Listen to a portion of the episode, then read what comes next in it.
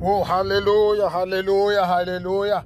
Malibongwe igama lenkosi yethu ephilayo enamandla unkosi uJesu. Siyambonga ekuseni namhlanje kunguSunday kumhla ka12. Sithi uNkulunkulu muhle kusigcina siyabonga Jehova muhle. Namhlanje into ebesedlizweni namba ngcwele bengifisa ukuthi eh ngishare nani ivesi noma izwi kaNkulunkulu etholakala encwadini laphayana kaMateyu eh chapter 6 ivesi ka25 lapho uNkulunkulu esinikeza khona noma esiphonsela insalelo ngokuphila kwethu noma nangendlela esenza ngayo izinto emhlabeni esikuwo. Lalithi khona masingakhathazeki ngokuphila kwethu. Ngifuna uzwa kahle lo. Masingakhathazeki ngokuphila kwethu. Eh wonke umuntu ophilayo ngicabanga ukuthi uyezwa ukuthi kuthini lithi singakhathazeki ngokuphila kwethu. Aligcini ngokuthi singakhathazeki ngokuphila kwethu.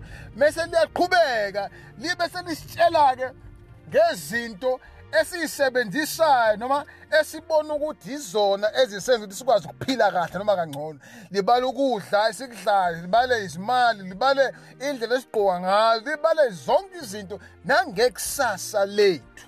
Eh into engifisa ukuyisho ke namhlanje eh mozoqhubeka uthi walifunda liphinde lithi izinyoni nezilwane zasehleya nasehlane engabe zona ziphila kanjani? Eh ziyalima yini? Uyakuzibona siphethe amapiki zihambe ziyolima.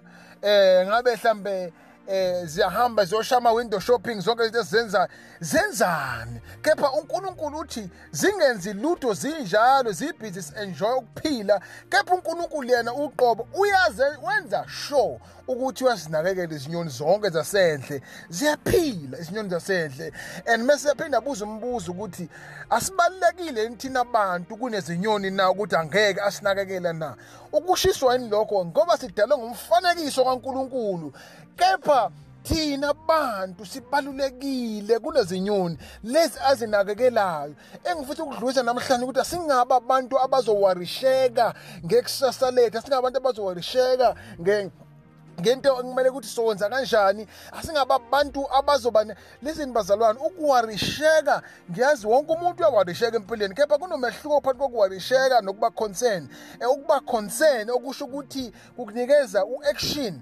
Eh, uma uconcern ngento uthatha u-action ngayo. Kepha uma uworried ngento uwaste isikhathi ngoba isikhathi esiningi ukuwarisheka akubuyisa umsebenzi olahlekile ukuwarisheka akushintshi ingane yakho ehlupha ukuwarisheka akukwenza ukuthi eh ube umuntu ozophila kathi ugula ukuwarisheka akuletha ukuthula ekhaya ukuwarisheka into ekuyenzayo kuletha izinto ezinegative zodwa. Kepha kuyathatha kuwena kuthatha injabulo yakho kuthathe zonke izinto akungabe enjoy empilweni uma uwarishekile namhlanje ngifuna ukuzosho ukuthi asingabantu abazowarisheka kepha siba abantu abazothemba uNkulunkulu ngoba liyashiza ukuthi asingawarisheki ngoba uNkulunkulu uyazazi izidingo zethu. Mozoqhubeka ubheke kunamba 33 lapho kulelo verse lithi asifuna umbuso kaNkulunkulu. Lokho kunye kuzokwanela kuzokunezeselwa ngaphezulu. Okusho ukuthi inokuthi sibabantu abazofuna noma sibabantu abazoba worried asibabantu abazofuna umusa kaNkuluNkulu abazofuna ubuso baNkuluNkulu.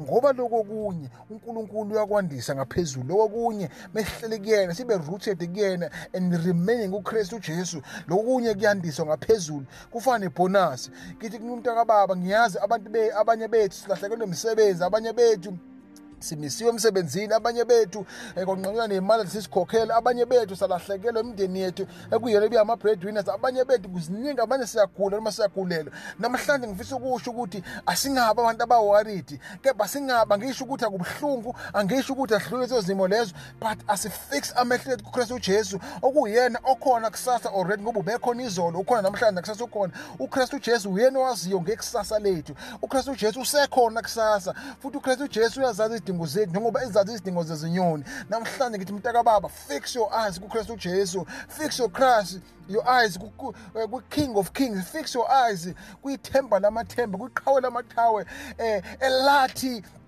eh ubukhanya bungekho wafika yena noma yena wakhuluma kwaba khona ukhanya. Okwathi lapho ithuna lithi linqobile kepha yena wafika wanqoba ithuna. Lapho kufa ukuthi kuhlulile kepha yena wahlula ukufa. Ngithi nqoba bheka kuKristu Jesu bekusamehla kuNkulunkulu wethu namandla ungabe worried namhlanje ekseni uNkulunkulu wethu uNkulunkulu wethu uyakuthanda uyakuthanda uNkulunkulu futhi akaqani namhlanje kade akuthanda.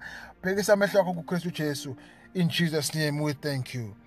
Hallelujah.